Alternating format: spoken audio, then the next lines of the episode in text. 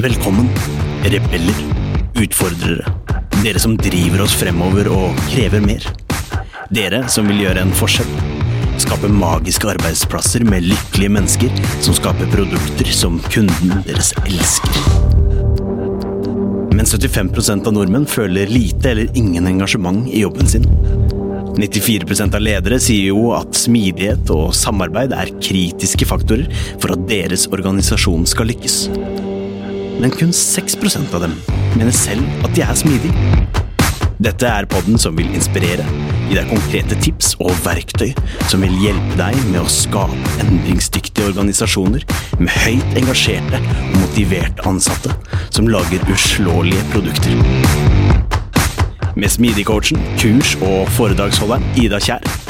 Ved sin side har hun kurs- og foredragsholderen, smidigtransformatøren og topplederen Tobias Falkberger. Sammen har de over 20 års erfaring med å jobbe i og lede smidige team og organisasjoner. Nå kjører vi! Hej och välkommen till en ny episode av Smidigpodden. Vi är på nummer 33 och idag så har vi ingen mindre än Pia-Mia Thorén som är författaren av boken Agile People och kan vi säga liksom grunden av Agile People movementen. Så utroligt, utroligt spännande. Hon har också alldeles nyligen så är det en eh, ny bok. bok på väg ut. Ja. Eh, hon är ju erfaren eh, poddgäst. ja, det kan man si. Föreläser och Kurshåller, och ja. ja, gjort väldigt, väldigt mycket spännande. Ja. Och mycket av det hon snackar om är ju det som vi tänker på när det tänker- kommer till smidig. Er det. Till eh, mycket fokus på människor Mm. och hur man kan bruka smidig värdier och principer i egentligen allt man gör. Mm. Så det här eh, blir otroligt bra. Ja.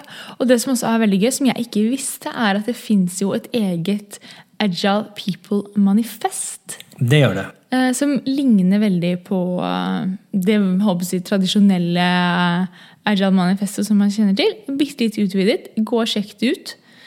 Vi linker til linken i episodebeskrivelsen. Vi linkar till linken faktiskt. Eh, Det gör vi. Som vanligt så linkar vi till länkarna i linkbeskrivelsen.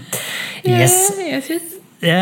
Eh, Och det som, som, hvis man syns att det här var liksom spännande så är det så att jag och Pia Mia, eller Pia Maria, ska ha meetup tillsammans Det skal dere.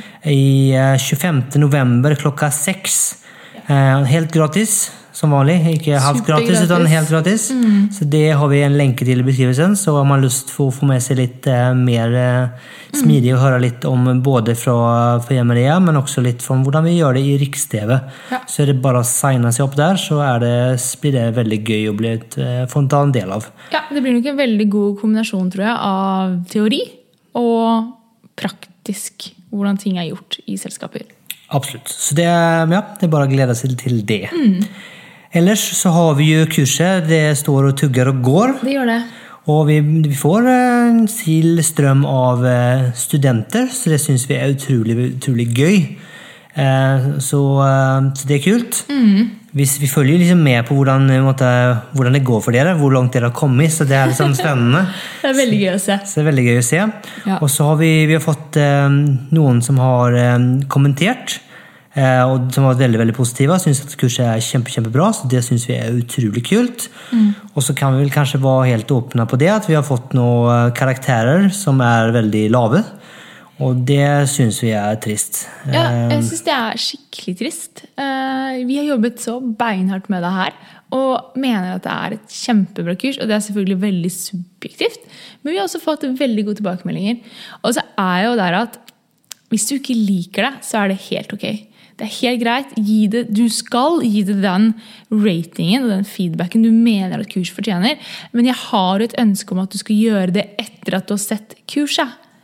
Eh, hvis du har sett bare noen få prosent, så håper jeg at du kan vente med å gi en rating til du har kommet lenger inn i kurset. Eh, fordi det er jo som med alle gode ting. Eh, det modnes med alderen. Nei, jeg vet ikke. Och så är det ju kanske något, jag vet jag tänker att det är fint med feedback är ju fint. Så Ja. om man menar att det är något vi kunde gjort bättre, så säg det. Ja, väldigt, väldigt gärna. Eh, inte bara ge oss en lav eh, karaktär och, och inte säga något. Kom syns med en kommentar. Gärna en kommentar eller om du vill liksom lägga det ut sånt så sänd det på, på LinkedIn eller andra ställen Mm. så sätter vi pris på den feedbacken. För vi har ju såklart ett önske om att bli Bättre. bättre. Ja. Och vi har väl kanske en liten förhoppning om att det här inte var första och sista kurset utan att det kanske kan bli mer av den varan. Det Så, må man si. Men med det så vil jeg bare si det at eh, hvis dere liker kurset, så veldig gjerne kommenter og skriv det òg. Det hjelper oss kjempemasse med å få opp eh, ratings. Og ja, det er verdt- setter veldig ekstremt stor pris på det. så är det någon som eh, har tagit kurset eller tar kurset och inte har skrivit en review och syns att det är bra så väldigt, väldigt, väldigt gärna eh, Ja, så skriv en kanskje vi review. kan snu den negative trenden her, dere. Det, det syns jag hade varit väldigt gøy. Och så med det så tänker jag att vi också, eh, den sista rabattkoden har ju gått ut. De kan aldrig vara gällande längre än fem dagar. Nei. Men eh, vi tänker att vi är ju inte... eh, Gønner på med en ny. Vi gönnar på med en ny. Ehm, Ikke snikende sånn. Nej, och det är ju så att vi har ju en liten sån här, en, det är ju en redirect som ligger bak här. Så URLen som det knappar in är ju mot den samma. Men så redirectar den och så kommer en riktig sån kampanjkod som är giltig då. Så att eh, har du inte rockigt och signar upp för kurset så är inte det för sent. Det kommer aldrig vara för sent men du får den goda, goda, Prisen dagar till. godprisen i fem dagar till. Eh, Och när vi snackar om eh, poddepisoder så har vi eh, bestämt oss, är väl Ja. kanske riktigt att säga, att vi må ju se att Smidigpoddens episoderelease-historik Det har vært så som så. den har varit väldigt varierat kan man säga. Ja. Varierat är ju inte nödvändigtvis dålig, men någon gånger så har vi varit väldigt hyppig mellan episoderna och andra gånger så har det tagit lite längre tid. Ja. Men nu har vi bestämt oss att vi ska i alla fall pröva, seriöst pröva på att få ut en episode. Seriøst prøve. Ja. Jeg liker det. Salgsoppningen. Vi ska, vi ska, ska seriöst pröva. Ja. Eh, och eh, komma ut med en episode varann onsdag. Onsdag. Så onsdagar, eller varann onsdag, är Smidigpodden-dagar. Mm. Så det kan man liksom kan man lägga in en sån eh, reoccurring ting i eh, kalendern. Reminder i kalenderen. Reminder i kalendern. Kanskje man kan legge sånn eh, Nå som det er lockdown igjen, så kan man legge inn sånn weekly Nei, annenhver uke reminder på at man skal gå en tur og lytte på Smidigpodden. Det är fint. Det, vi, det Ja. anbefaller vi alla att komma lite ut. Ja. Och inte bara sitta inne. Så det är ju fint med podcast. Då kan man gå tur och höra på podcast. Du må høre på. Smidigpodden, da. Ikke noe annet. Nej. eh, och så, ja, jag tänker det kanske var det vi hade lust att säga. Tror det. Men eh, för vi hoppar in med dialogen med PMIA så är det kanske två ting jag önskar att säga i alla fall. Det ena är att uh, naturliga grunder, PMIA är ju i Sverige. Så vi är ju Ja. såklart inte samman, så det här är ju spilt in över nät. Så, det blir ju lite kanske lavare eller kvalitet än vad det är vanligtvis. Så vi Ja. hoppas att det lika väl kan sätta pris på innehållet och att kan leva med Ja. lite dåligare ljudkvalitet. Ja. Och så är jag kanske lite mer språkförvirrad än vanlig. eh, Så det hoppas jag att det kan, kan leva med också. Eh, Så, så det blir ju liksom mycket, det blir inte så mycket, mycket, mycket svensk blir det. Ja. Ja. Så är Ida där som liksom alibi, men hon snackar lite svensk emellan också. Så, eh, Ikke denne episoden. Nej, inte den episoden. Ja, med det så tänker jag vi hoppar in i episoden. Det gjør vi. Kos dere. Unnskyld at jeg forstyrrer deg midt i denne superspennende episoden, men jeg må bare fortelle deg noe. Forresten, det er meg, Arvid, fra introen.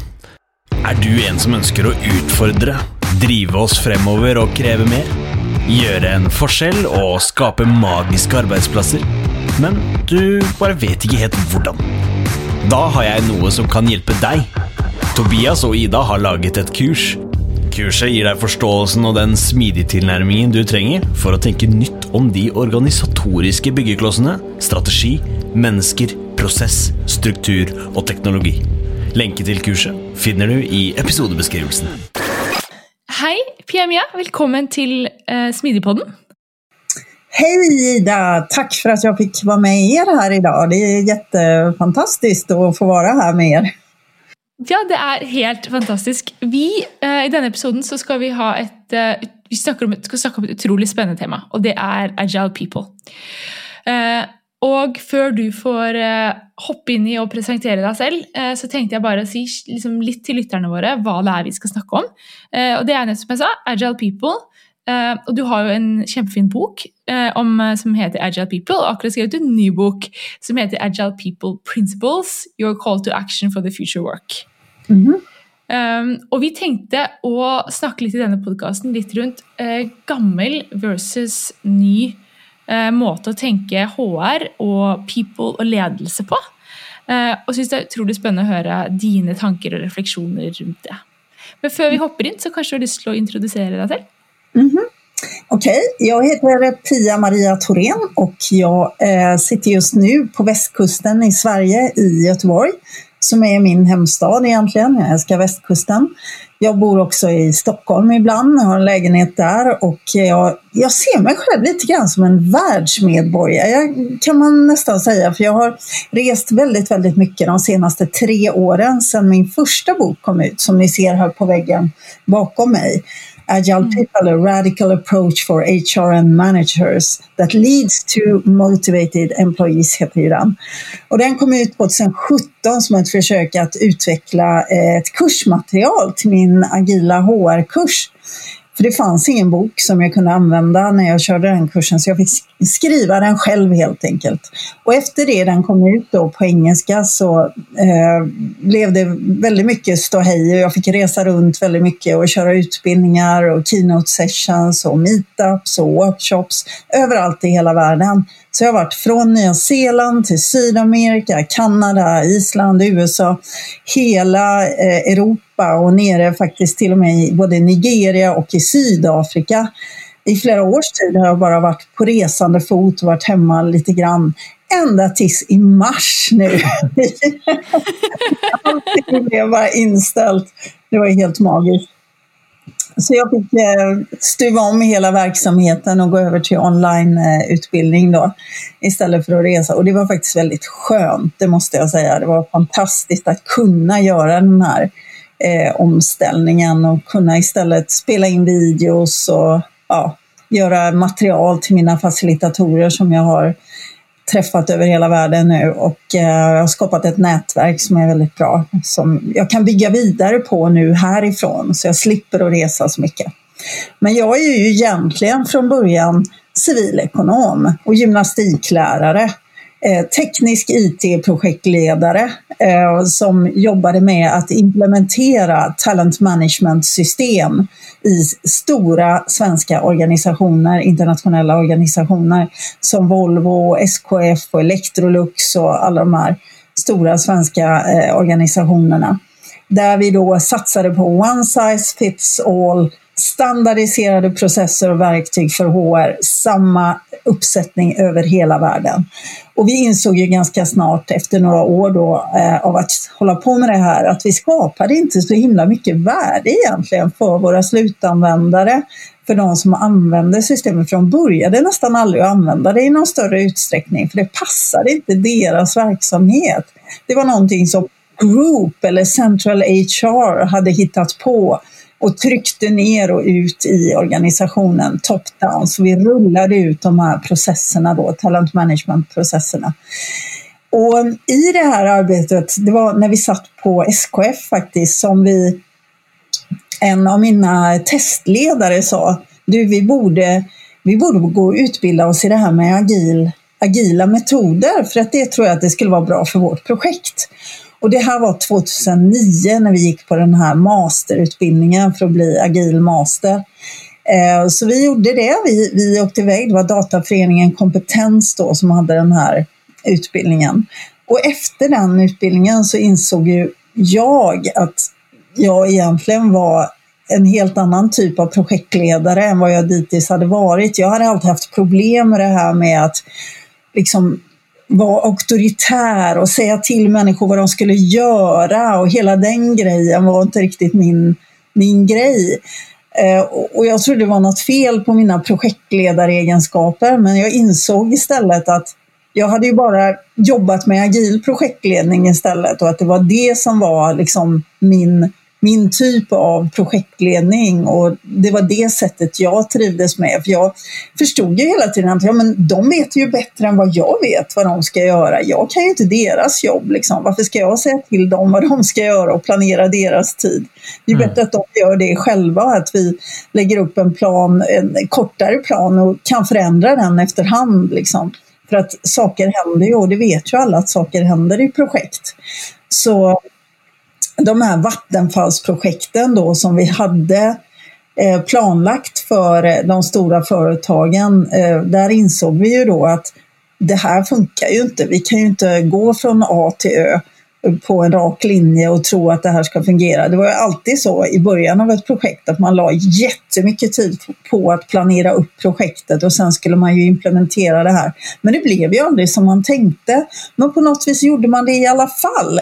För det var så man gjorde, det var så man projektledde på den tiden.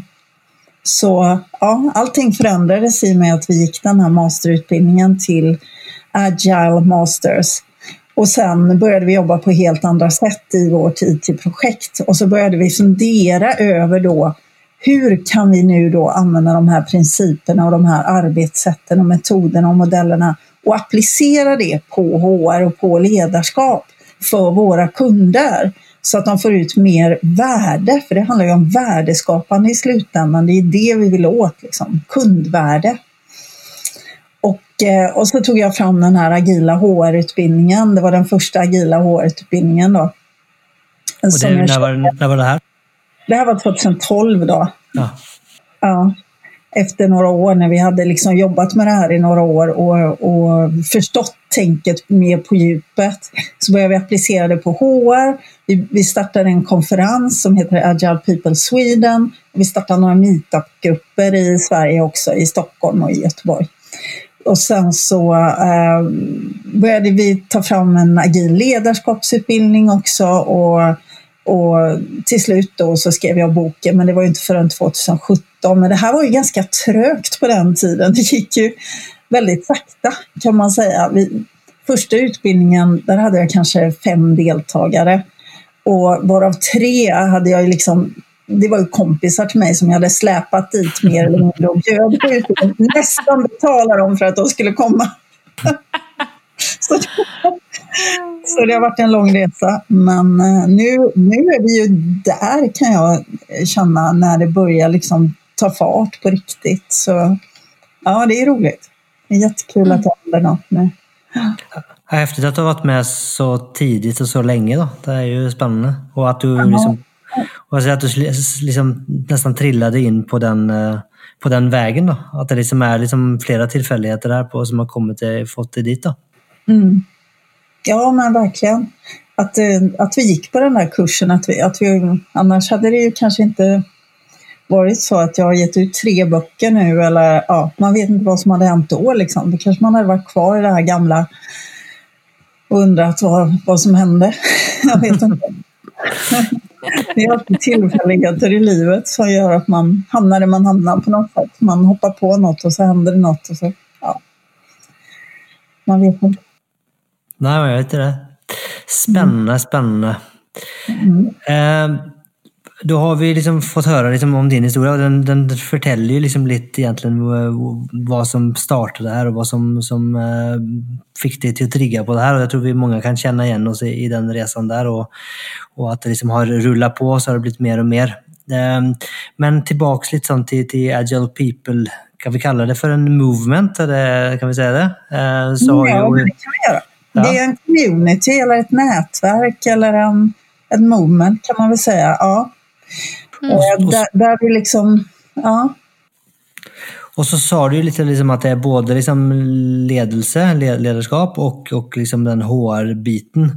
Och mm. jag tänker det kanske är naturligt att starta liksom på HR och prata lite grann på liksom hur, vad som är skillnaden mellan klassisk HR och liksom vad man har gjort och vad, man, vad, liksom vad du tänker eller vad agila mm. världen tänker. Och så kanske, kanske bara börja med, vi har ju tidigare haft en episod här på, på rekrytering, så kanske kanske är ett ställe, ett ställe att prata om liksom hela den onboarding rekryteringsbiten, liksom klassisk och liksom hur det ser ut i en kanske mer smidig värld. Mm. Jag brukar säga generellt så finns det två perspektiv på agil HR. Dels är det ju perspektivet inifrån så att säga den agila HR-avdelningen när man applicerar verktyg och metoder och modeller och tänkesätt just på HR-teamet eller på HR eh, professionals som jobbar i en organisation då. Och sen är det ju också hur vi jobbar med leveranser och vad vi levererar ut till verksamheten från HRs eh, synsätt. Så det är två olika perspektiv. Dels är det hur jobbar vi mm. tillsammans och dels är det vad är det vi levererar och hur vi levererar det tillsammans med verksamheten nu då. Istället för till verksamheten. För det handlar ju om att involvera verksamheten i leveransen istället för att leverera något från HR som är färdigt och klart till verksamheten. Mm. Här jobbar vi istället med minimum viable products och vi levererar något litet, vi får feedback på det, vi involverar verksamheten i arbetet hela tiden då.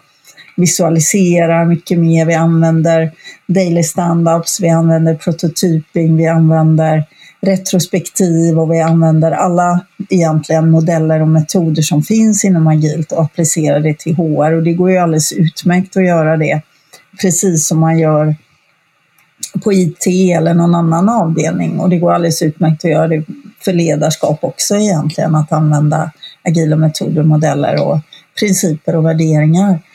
Nu handlar det ju inte främst om verktyg skulle jag vilja säga då. Det handlar inte främst om OKRs eller eh, Scrum eller Kanban boards, utan det handlar mer om principerna och värderingarna och det är det vi fokuserar väldigt mycket på då inom Agile People, är just de här principerna och värderingarna.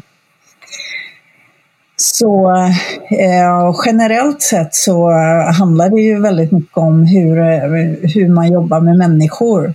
Och det är ju det som är gemensamt för både HR och eh, ledarskap egentligen, att vi jobbar med människor och det handlar om att optimera eh, hur, hur vi kan arbeta tillsammans för att optimera för helhet för hela organisationen. Då. Och eh, jag brukar alltid säga att HR behöver gå först för att eh, jag tycker att HR har suttit lite grann i baksätet de senaste åren. Alltså de har blivit ganska, inte så himla väl behandlade alltid.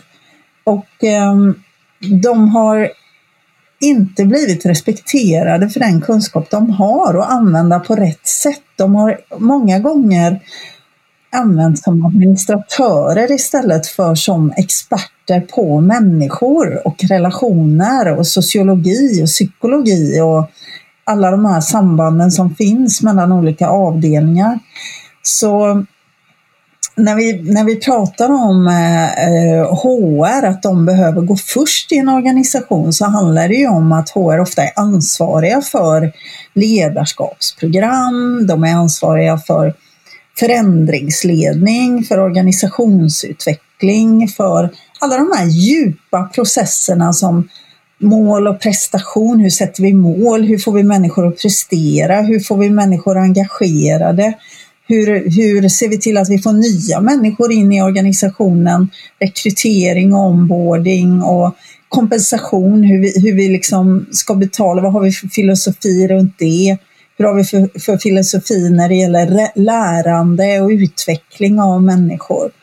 Eh, så det är ju väldigt djupa strukturer som genomsyrar hela organisationen, vilket gör att det är väldigt svårt att förändra en organisation om vi inte har med HR på tåget.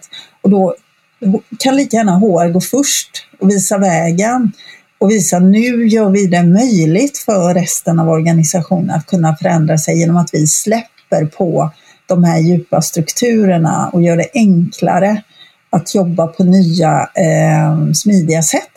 Mm.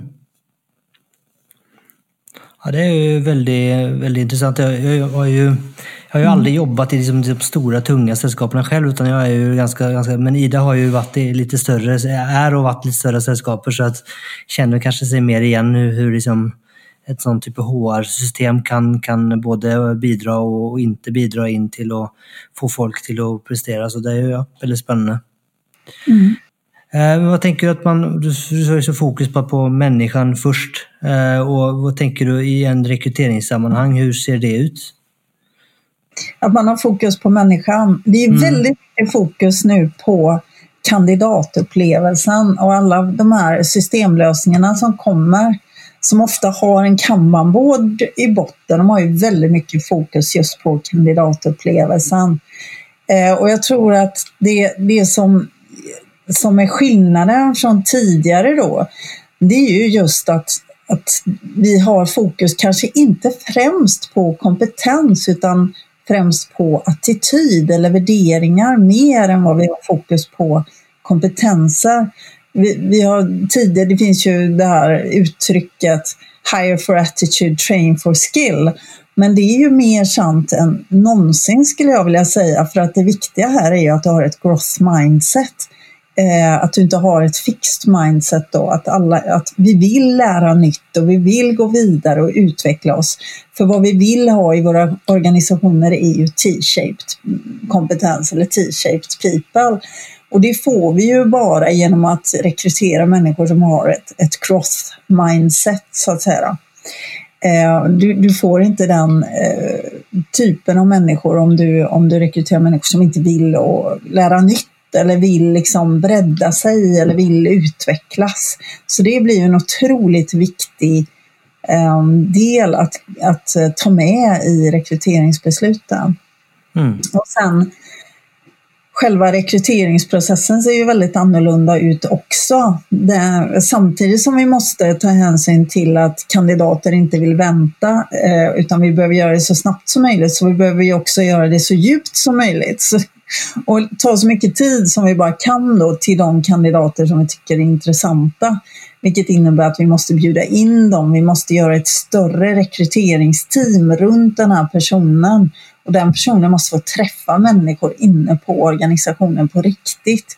Istället för att eh, bara liksom intervjuad av någon eh, hiring manager eller liknande då, utan att man verkligen bjuder in och den får spendera tid och prata med folk och känna efter, är det här en kultur där jag skulle kunna trivas?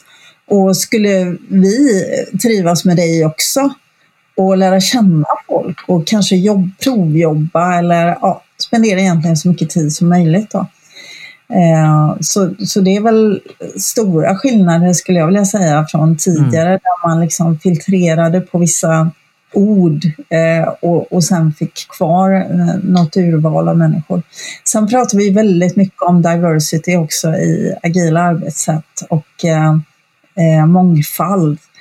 Eh, och där pratar vi inte bara om mångfald såsom färg och, och kön och religion eller sexuell läggning och så vidare. Det är ju väldigt extern mångfald, eh, utan vi pratar om kognitiv mångfald, vilket innebär att vi har olika drivkrafter och vi är, vi är olika som människor. Vi har olika värderingar och, och tyngdpunkter och vi tycker olika om saker. Och istället för att se det som ett problem så behöver vi se det som en tillgång då, så att vi får team som är, mm, består av men, olika typer av människor som mm. har olika perspektiv helt enkelt och kan berika då varandra för att och, och förstå att skillnader leder just till bättre produkter och tjänster när vi sätter mm. ihop människor med olika perspektiv. Um, så, mm. För där huskar du, du såg ett fint uh, citat i boken Ida, gjorde du inte det? Mm. Uh, ja, men uh, PMI har akkurat sagt det. Uh, hire for attitude, trained for skill. Nej, det var inte den jag tänkte på. Det var den med... Det var den Paychecks can't buy passion. Nej, det var inte den heller. det var inte den heller? det var med... Vilken var det du tänkte på? Don't leave your heart at home. Oh. Okay. Ja, og den var så, så fin. Det var så mange fine. Uh, when people go to work, they shouldn't have to leave their hearts at home. Ja, just det. Ja. Alltså, så ja, hjärtat till jobbet. Ja, precis. Nej, men ja, inte på, jag, jag, ser, jag har ju sett det väldigt mycket. Jag har gjort det själv också. Mm. Man, man liksom parkerar på parkeringsplatsen utanför sitt, sitt kontor och så sätter man på sig en mask och så går man in och så spelar man en viss roll hela dagen. Och sen när man går ut mm. tar man av sig masken och så åker man hem och så är man sig själv. Alltså vi måste ju mm. vara själva på jobbet. Vi måste kunna vara oss själva med respekt för andra människor brukar jag säga. För att när jag säger att ja, man måste kunna vara sig själv. Jaha, ska man komma till jobbet och vara precis sig själv och, säga, och vara sur eller vad man nu är då? Eller klaga på andra eller säga precis vad man tycker och tänker? Naturligtvis inte. Det ska man absolut inte göra, men man måste ju fortfarande respektera andra människor och deras behov och hur de är. Men att vara dig själv, det innebär att du inte går omkring och är någon annan än dig själv, men du måste ju naturligtvis mm. fortfarande respektera andra, så det finns ju en balans i det där tycker jag. Mm. Mm. Jeg syns eh, det der synes jeg er kjempeinteressant. For når jeg har snakket med, med, folk om det, så er det sånn Ja, men du er, jo bare, du er jo bare på jobben. Det er ikke så viktig at du er eh, at du kan være komfortabel nok til å være 100 deg selv. Men jeg har jo vært i jobbsituasjoner selv, vært konsulent hos kunder eller eh, ansattsteder hvor jeg har merket hvordan det har vært å ikke ha muligheten til å være deg selv, og over tid hvor mye det krever av deg rent mentalt. Ja. Eh, og dermed hvor mye det går utover ikke bare jobbprestasjon, men også resten av ja. dine relasjoner. Og resten av din livskvalitet. da, Eller ikke resten, din livskvalitet. Eh, så viktigheten av den, eh, det å faktisk kunne få være fullt og helt seg selv, mm. og ha den tryggheten til å være det, det tror jeg er kraftig undervurdert av veldig, veldig mange. Mm. Um, ja. Jag tror det, det handlar inte om work-life balance, det handlar om life balance. Det tror jag också jag skriver om i boken. att det är det, vi har bara ett liv och vi behöver leva det livet hela tiden. Det kan inte vara så att oj, nu går jag till jobbet och gör ett jobb och det ska vara tråkigt och det ska vara jobbigt. För det hörs ju på, ett jobb är ju jobbigt.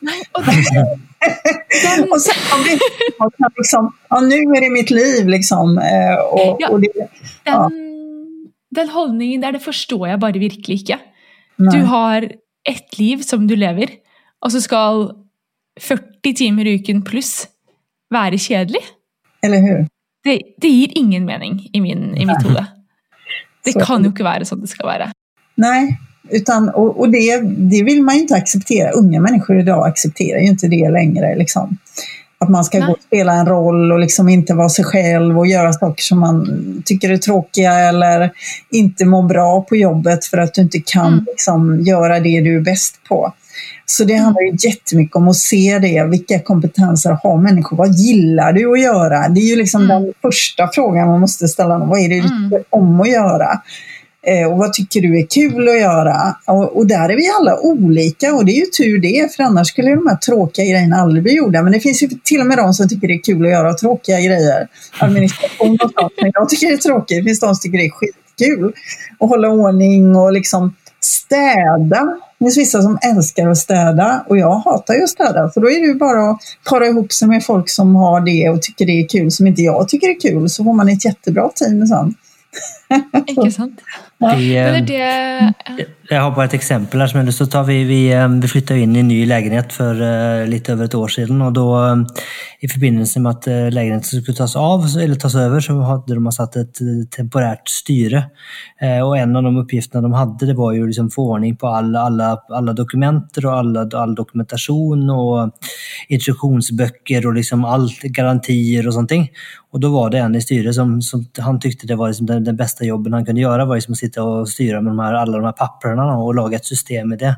Mm. Och det var som jag tänkte, jag, han, var, när han berättade om liksom hur den jobben var, han var så lyrisk, så det var helt fantastiskt. att jag, jag kan inte tänka mig något värre jobb, men för honom så var det liksom det bästa han kunde göra. Liksom, och det var så Exakt. fantastiskt att, det liksom, att, att, det, att vi är så olika. Då. Ja. Och det, det, vi är ju biased, så vi inser liksom inte det att någon annan kan tycka det är kul, men så är det faktiskt. Så, mm. Ja rätt person på rätt plats med rätt uppgifter och, och sen att vi försöker nosa på andra uppgifter och bli mer och mer och bredare och har olika roller i organisationen. Alltså de mest värdefulla medarbetare det är ju de som har varit på många olika avdelningar, haft många olika roller och jobbat på många olika funktioner. För när de har det så får de en mycket bättre helhetssyn och förstår hur organisationen fungerar från ett helhetsperspektiv. Vilket blir otroligt värdefullt för eh, hela organisationen. Och det ska man mm. verkligen belöna också, inte bara att du är djupspecialist men också att du har gått runt och jobbat mycket med olika saker. Så där kan man tänka sig liksom att man har belöningssystem som dels belönar på djupet till en viss gräns och sen börjar du belöna på bredden så att säga då, så du får en sån här kambaserad kompetens nästan i slutändan när du har jobbat länge på ett företag. Mm. Eh, Ida? Nej, kör på. Eh, det jag bara tänkte, vi, liksom för eh, nästa steg är väl kanske, vi har liksom touchat inom det hela tiden, men det är ju liksom performance, management och talent management är ju liksom så här riktiga buzzwords eh, av gammal, gammal karaktär. Mm. Kunde vi kanske liksom berätta lite om, om liksom både hur, för det var ju därifrån liksom du, du nästan det startade allt det här för dig och så lite hur det, hur det ser ut, eller vad du tänker om det i andra sätt att göra det på. Då. Vi har ju touchat mm. inom det, men, men... Ja, Ja, performance management det handlar ju om att sätta mål och att eh, i min hjärna så handlar det ju om att få människor att prestera bättre. Att, att vi alltså ska vi ska leverera, vi ska prestera, vi ska bidra till organisationens övergripande mål. Det är egentligen det som är tanken med performance management. Och sen finns det många delar i det. Det finns ju dels, eh, vad, när jag frågar den frågan, vad är syftet med performance management? Då får jag lite olika svar. Jag kan till exempel få svar, ja men det handlar om att, att människor ska lära sig nya saker, att de ska utvecklas, att, att de ska komma vidare i sitt jobb. Det handlar om att, de ska, att vi ska sätta mål och vi ska prestera i riktning mot målen. Det handlar om alignment, alltså en gemensam riktning mot gemensamma mål. Det kan också handla om att vi vill ha underlag för kompensation eh, och belöning, lön och belöning. Så det kan vara olika syften med performance management. Så beroende på vilket syfte du har. För nu har vi, vad vi har gjort nu det är att vi har bakat ihop alla de här olika syftena i en enda process då i den traditionella performance management-processen. Där vi liksom sätter mål och jobbar med, med feedback och utveckling under eh, ett samtal eller två samtal varje år. Och då ska vi trycka in allting i de här två samtalen i princip då istället för att sprida ut det under året och ha coachande samtal löpande och ha fokus på olika saker i olika samtal då. Men eh, alltså, beroende på vad ditt syfte är så ska du egentligen använda helt olika verktyg för performance management. Så om ditt syfte är learning och development, och då behöver du öka eh, experimenterandet och du behöver öka det här med att kunna göra misstag, prova nya saker, trial and error, fail fast. Det är liksom grunden till ett lärande egentligen. Det är då man lär sig som allra mest. Det är ju när man kör experiment och när man provar nya saker. Om eh, målet är att du ska sätta tydliga mål och förbättra dig själv och få en gemensam riktning, ja då har vi till exempel relativa mål som är att föredra då framför eh, fasta prestationsmål. Och då kan vi jobba med till exempel olika typer av KPI. Vi kan jobba med Objectives and Key Results till exempel, som är transparenta och som är sammankopplade i organisationen. Om syftet till exempel är att sätta en rättvis lön eller en, ha en rättvis kompensationsfilosofi så kan vi jobba till exempel med löneformler eller vi kan jobba med merit money eller olika verktyg där vi eh, kollektivt bestämmer rörande lönesättning, olika typer av förmåner och belöningar till varandra. Då. För att en marknadsmässig lön är en hygienfaktor. Det är ju liksom vad alla vill ha. Alla vill ha en marknadsmässig bra lön. Så det är liksom grundplåten till en bra kompensationsfilosofi. Och den måste vara så rättvis som det bara går. Därför att högsta möjliga rättvisa, det är målet med varje kompensationsfilosofi. Eh, och sen kan vi då komplettera det med något ramverk för rörlig lön då, eller prestationsbaserad lön eller liknande. Och där ska vi använda principerna dels kollektiv intelligens, att ju fler det är som ger input på något, desto bättre och mer rättvist blir beslutet. Och den andra principen är ju att de som har mest kunskap om något ska också vara de som fattar beslut om något. Så, eh, och då får du de som är närmast en medarbetare som har mest kompetens om hur den här personen har presterat. De är med och tycker och tänker om det.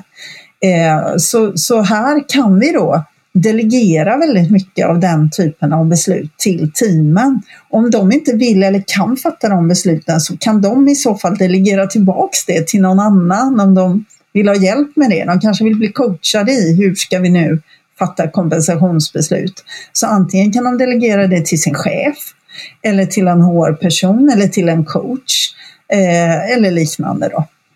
Jag jobbar ju med en roll som heter Agile People Coach som har den här typen av kompetenser och det är det egentligen den rollen som mina utbildningar leder fram till, att man blir en agile people coach som har djupa kunskaper om människor och relationer, psykologi och sociologi och så vidare, men kanske kommer från en HR-roll eller från en ledarroll eller från en roll som agil coach tidigare i organisationen.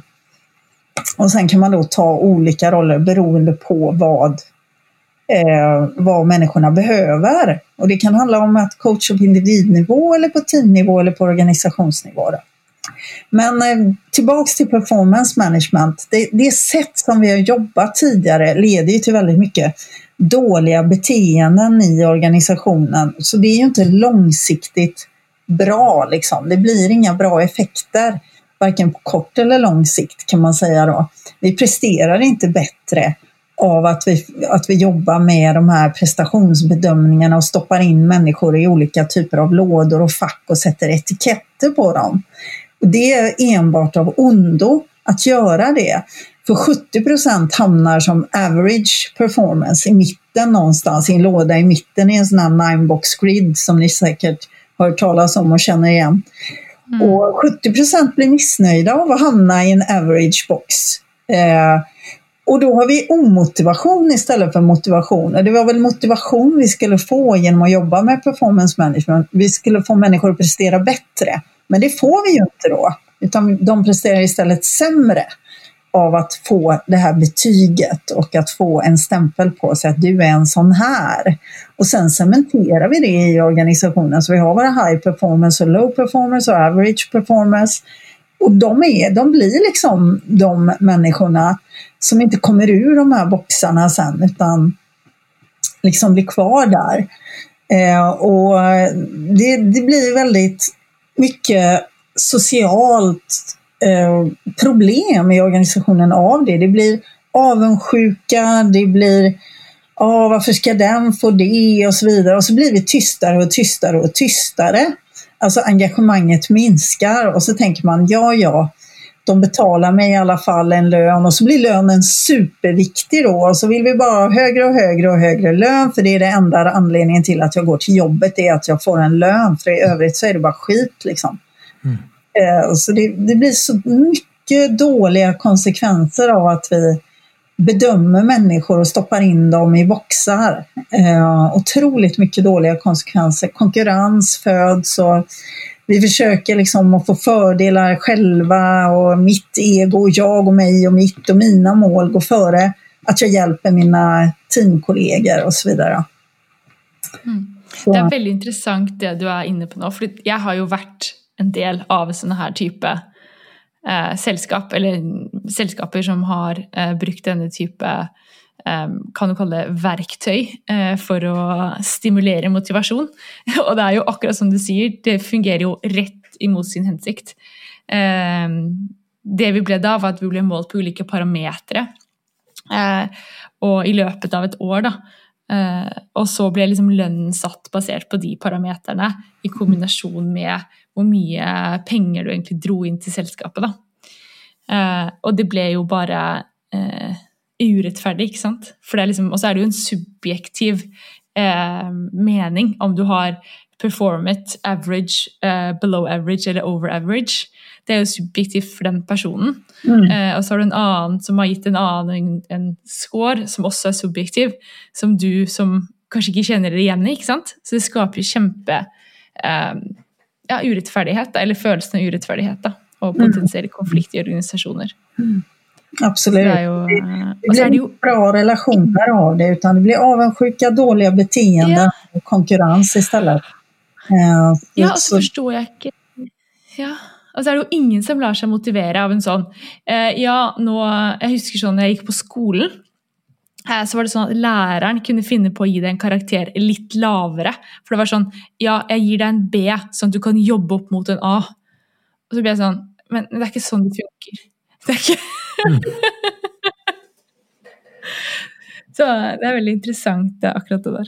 Och så en, en annan aspekt eh, tänker jag är också tidsaxeln. Att du är ofta, ofta väldigt sån, sån var det förra året.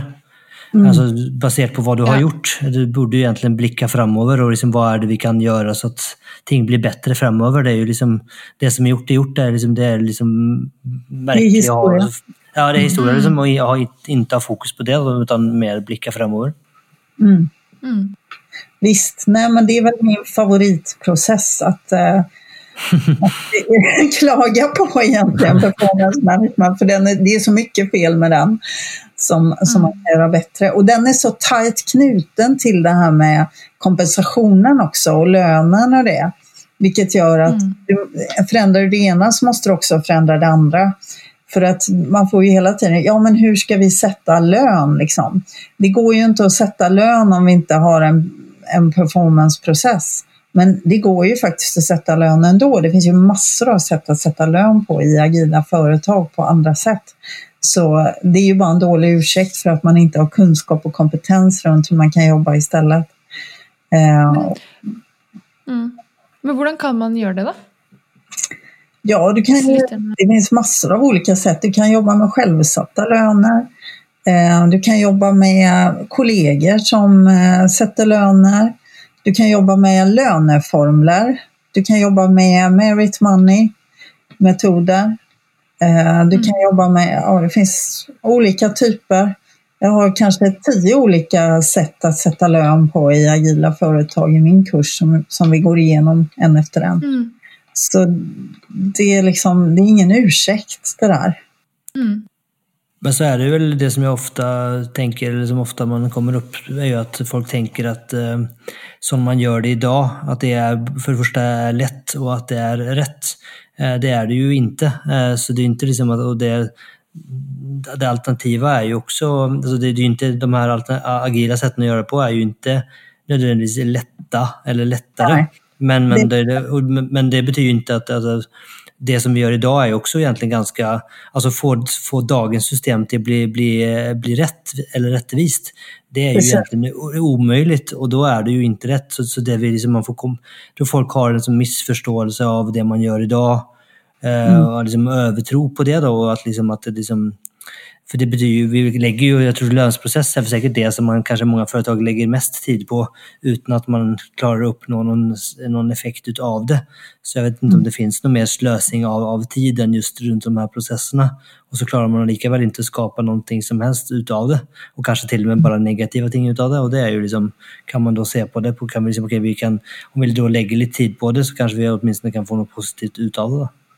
Mm, absolut, Nej, jag håller med dig fullständigt. Det är ju, ehm, man tror liksom att det här är enda sättet för att det är så vi alltid har gjort det. Men det handlar ju bara om att tänka utanför boxen egentligen. Vad är det vi vill uppnå med en lönefilosofi? Och det är högsta möjliga rättvisa vi vill uppnå. Det är det enda syftet med att ha en lönefilosofi. Det är att det ska upplevas som så rättvist som möjligt av så många som möjligt.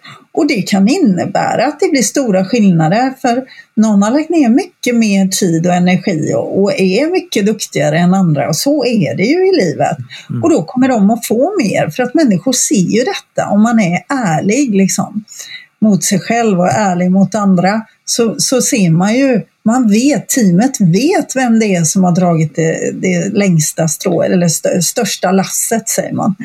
Mot, mot teammålen liksom. Det, det behövs ingen chef för att avgöra det, utan det kan de göra själva och när det kommer från teamet själva, då är det mycket mer värt och då är det mycket mer sant också än att det är en chef som gör det.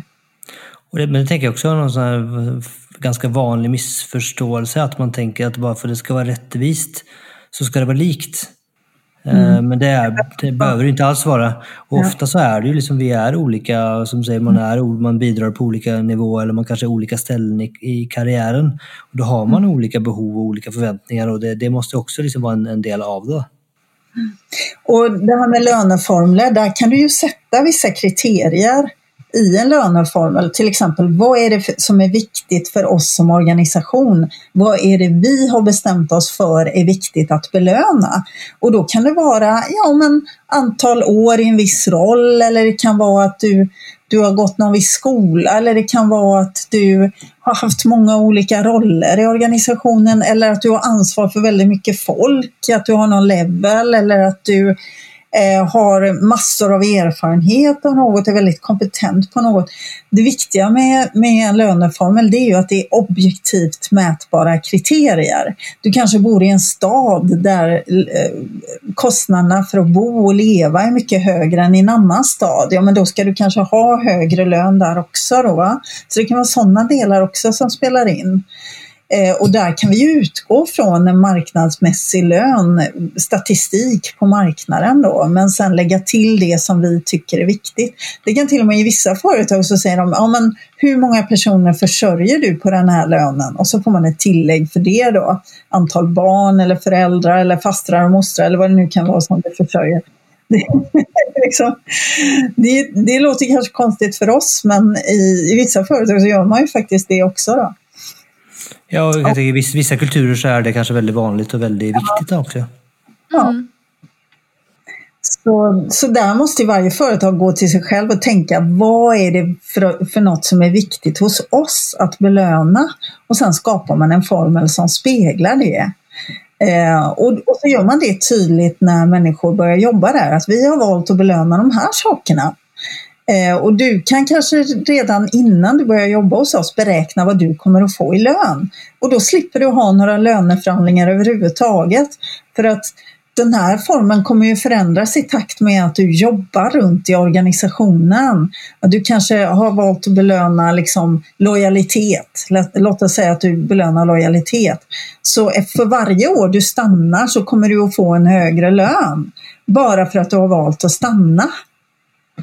Det kan ju vara ett sådant kriterium och det är ju väldigt objektivt och det är väldigt enkelt att lägga in i en löneformel om vi säger att det är viktigt med lojalitet.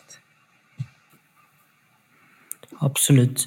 Du ser att tiden eh, löper lite ifrån oss. Ehm, är det något sista ting du önskar att få, få sagt eller du kanske vill spöra om idag? Det är ofta några goda spörsmål på slutet.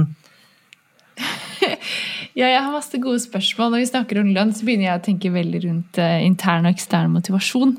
Eh, som vi diskuterer veldig mye, Tobias. Eh, men eh, ja, nå løper jo tiden litt fra oss. motivation är ju ett av mina specialområden. Jag jobbar mycket med motivation och jag jobbar med motivationsprofiler och drivkrafter då, för att mm. just eh, förstå människor på ett djupare plan. Och det tror jag också är viktigt i i det agila att man har en djup kunskap om människor. Det är faktiskt en av the agile people principles. Know people deeply. Att det är en nyckel till framgång och till en organisation där människor kan acceptera varandra för de förstår varandra på ett djupt plan och mm. vad det är som driver. Mm. Men uh, i det lägger du både då, uh, du var lite inne på det Eh, litt inne på det i stad. Liksom både psykologi, eh, hvordan vi fungerer som mennesker, hvordan vi er sammen, men også eh, rundt selve individet. Så liksom mhm. begge deler, eller hva tenker dere rundt det punktet? Motivasjon? Eller? Det, det du sa nå, med att know people deeply. Ja, det handlar ju om att förstå vad det är som får människor att ticka. Eh, vad är det som mm. får dig att göra det du gör och vad det du går igång på som person. Och då ska vi tänka på det både när det gäller att utforma uppgifter och vilket jobb du ska ha, men även då vad vi ska belöna, vad du vill ha i form av belöning från jobbet. Mm. Det kan vara att du vill ha ledig tid för du är motiverad av din familj. Eller det kan vara att du vill ha eh, sitta hemma och jobba för du är independent. Du gillar inte att jobba i team till exempel. Eller du, du vill ha en ledarroll för du är hög på, på makt eller status. Uh, så, så det kan vara alla möjliga olika saker. Det handlar om att förstå vad det är människor är ute efter här. Mm. Uh, och vad det är de går igång på, vad de triggar på, vad de vill ha utav ett jobb. Om en chef eller en Eh, eller alla i teamet skulle jag vilja säga, förstår dig på ett djupare plan och inser vad är det du behöver, då kan de ju också behandla dig på ett annat sätt än vad de själva vill bli behandlade. För det handlar ju alltid om att behandla andra så som de vill bli behandlade, inte så som du själv vill bli behandlad. Då. Ofta säger man ju det, behandla andra som du själv vill bli behandlad. Men det är ju helt fel egentligen. Så egentligen ska man bara behandla mm. andra på, som de vill bli behandlade. Och då gäller det ju att veta de grejerna och inte utgå ifrån sig själv. Mm. Så det... det var väldigt fin, ja. Mm. Väldigt bra. Ska vi hoppa in på de sista frågorna idag? Det kanske blir eh, svenska idag för dig också? Mm. Jag tror jag tar det på norsk. Jag prövade på svenska häromdagen och det var inte så... Ehm, um, vad ville du fortalt 20 år gamle dig själv?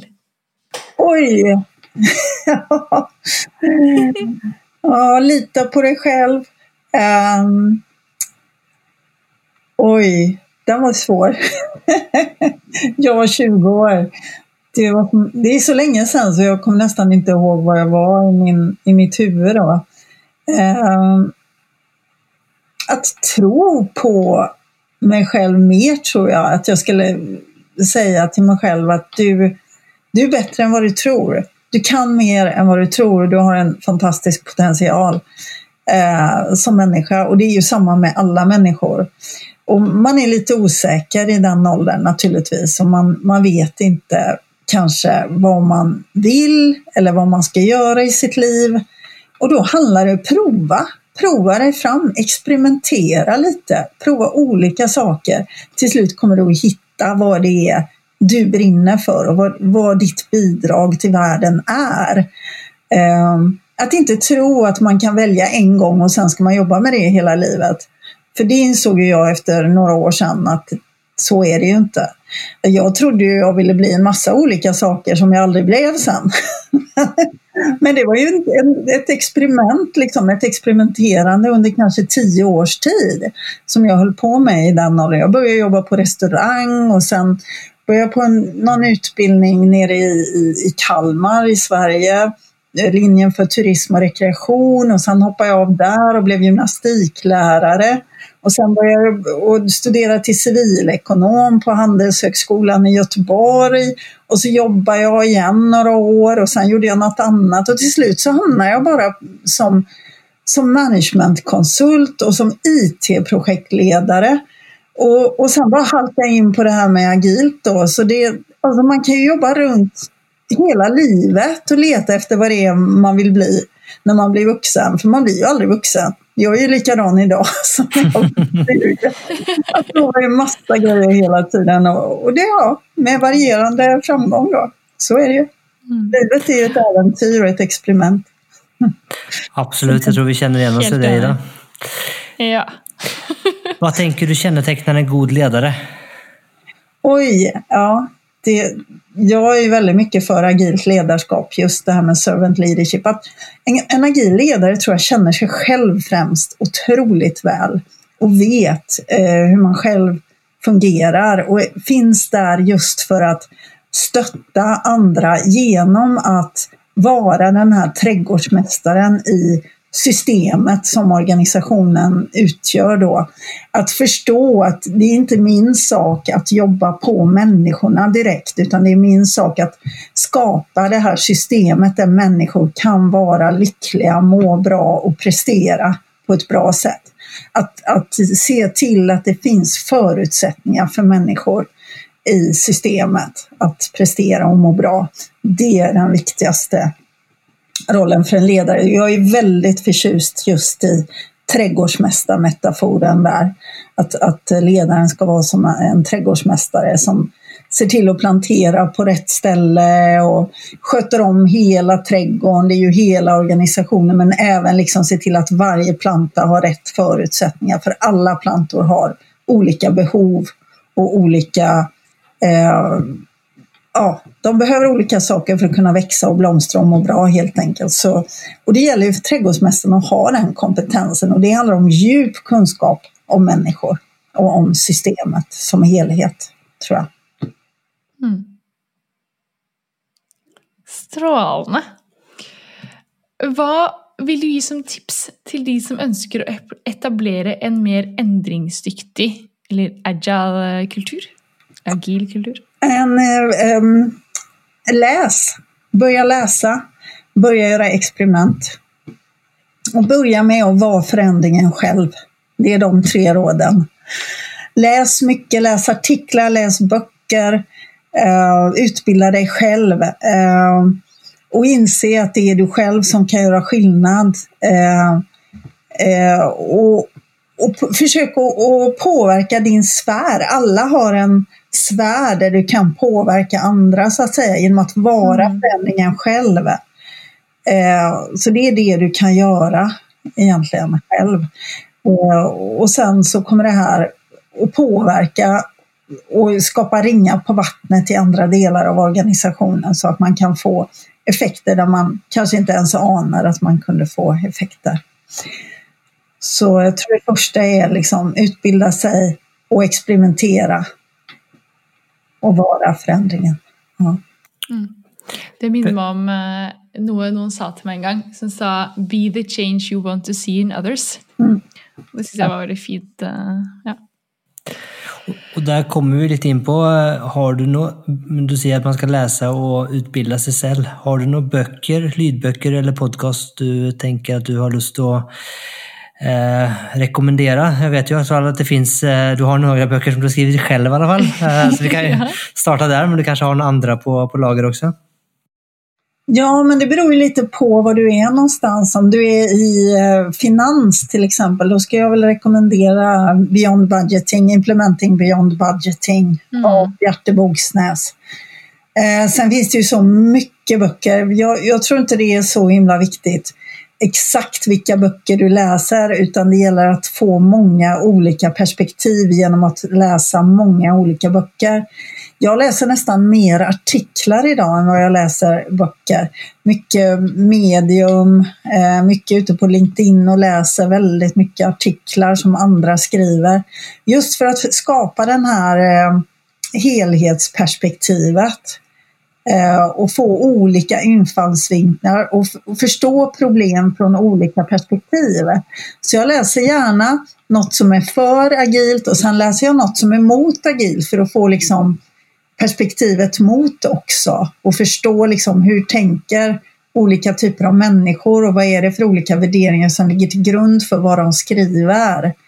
För det är en ständigt pågående läranderesa hela livet. Och, och det är det som är så spännande också. Att man aldrig är liksom där, man är aldrig färdig, man är aldrig klar. Utan det är bara en ständig utveckling, både på individnivå, team och organisationer och hela världen, hela, hela samhället. Eh, och, och då när, när man liksom ser sig själv och sin egen organisation som en del av ett större system och att vi alla på något vis kan bidra på något sätt, då inser man att man är betydelsefull också. Och då kan man också bidra bättre. Än om man ser sig själv som en kugge i maskineriet som är lätt utbytbar. Eller hur? Ja, absolutt. Helt klart. Helt klart. All right. Så spørsmål. Da. Hvis man ønsker å komme i kontakt med deg, eller ønsker å følge deg, eller sånt, hva gjør man da? Ja, men då går man in på LinkedIn och så följer man mig där, för där skriver jag mycket och tycker och tänker och skickar ut och delar och sådär, så det är nog bästa sättet. Vill man läsa en grundbok i Agile People så ska man läsa den boken som jag har på väggen bakom mig här. Eh, mm. Den finns att köpa på Amazon. Sen kan man ju också gå in på agilepeople.com och där kan mm. man eh, titta på olika utbildningar som jag kör till Agile People Coach och till eh, överhuvudtaget eh, agil HR, agilt ledarskap. Vi har certifieringsutbildningar och vi har andra utbildningar där. Och där finns också mycket annat att, att läsa om. Eh, prenumerera på nyhetsbrev och sånt där kan man göra också där. Mm. Så det är Bra. olika sätt. Eller också så bara kontakta mig direkt. Pia-Mia at agilepeople.com. Välkommen mm. mejla mig. Jag försöker svara på alla mejl jag får. Härligt. Så bra, vi länkar. All right. Ja. Då Det tänker, jag, då tänker jag vi får tacka för att du hade lust att komma till podden. Och så Mm. eh, planen är ju att få lagt ut den här fort som, eh, väldigt fort säger vi. Fy. Eh, Fy, fort som fy. eh, för vi har ju nämligen om t- två veckor så ska ju du och jag ha meetup tillsammans. Just det. Så, så det är ju en fin möjlighet om man vill höra mer från både dig och mig. Just Eh, det. Så, så det kommer vi också länka till. Så eh, 27, 25 november, 25 november så Mm. är det digital meetup. Så då är det, behöver man inte vara i Oslo. Utan man kan vara var man vill. Om man vill lust att s- se mer på oss, höra mer på oss. Så, där, eh, så det är ju ett fint tips. Och då får vi höra mer från dig Ida, efter vad jag förstår också, från eh, eh, ditt jobb. Nej, Ida är inte, nej, tyvärr inte med. Nej, det Ida, Ida ser väldigt chockad ut. Det är, eh, det, det är eh, en kollega till mig. Så vi Det är hade två, vært veldig gøy. det så vi är två från Riks-TV. ja, just det. Så Ida är, inte, Ida är inte med denna gången. Riktigt kanske är med och lyssnar. Hon kanske är med och lyssnar. Ja. Och det, då kommer vi prata om dels i grunderna i agil HR, men också då ett konkret case från Riks-TV i Norge. Ja, Det- Yes. Det blir spennende. Det blir jättespännande. Hoppas jag ser dig Yes. här då också, Ida. Det gjør du. det gjør du helt klart. För. All right. Ja. Med det så sier vi bare ha det bra da, til lytterne. Yes. Og så må de tune inn 25. november. ja, då syns vi igen. Ha, Ha det bra så länge. ha det bra. Ha det bra. Hej då. Tusen takk for at du lyttet på denne episoden av Smidpodden. Dersom du likte det du hørte, så abonner på Smidpodden, da vel. Da får du masse mer av denne type innhold i fremtiden. Dersom du har lyst til å støtte Smidpodden fremover, så gå gjerne inn på linken under og eh, ta kurset vårt. Du kan også så klart bruke noen av linkene under til bøkene som gjestene våre anbefaler. Det är affiliate links, og det betyr at Smidepodden får ei lita krone når du kjøper en bok, men du betaler så klart ikke en krone mer når du handler. Så med det så ønsker jeg deg en fortsatt fantastisk dag eller kveld, hvor enn det er du befinner deg i denne store, vide, vakre verden. Ha det bra!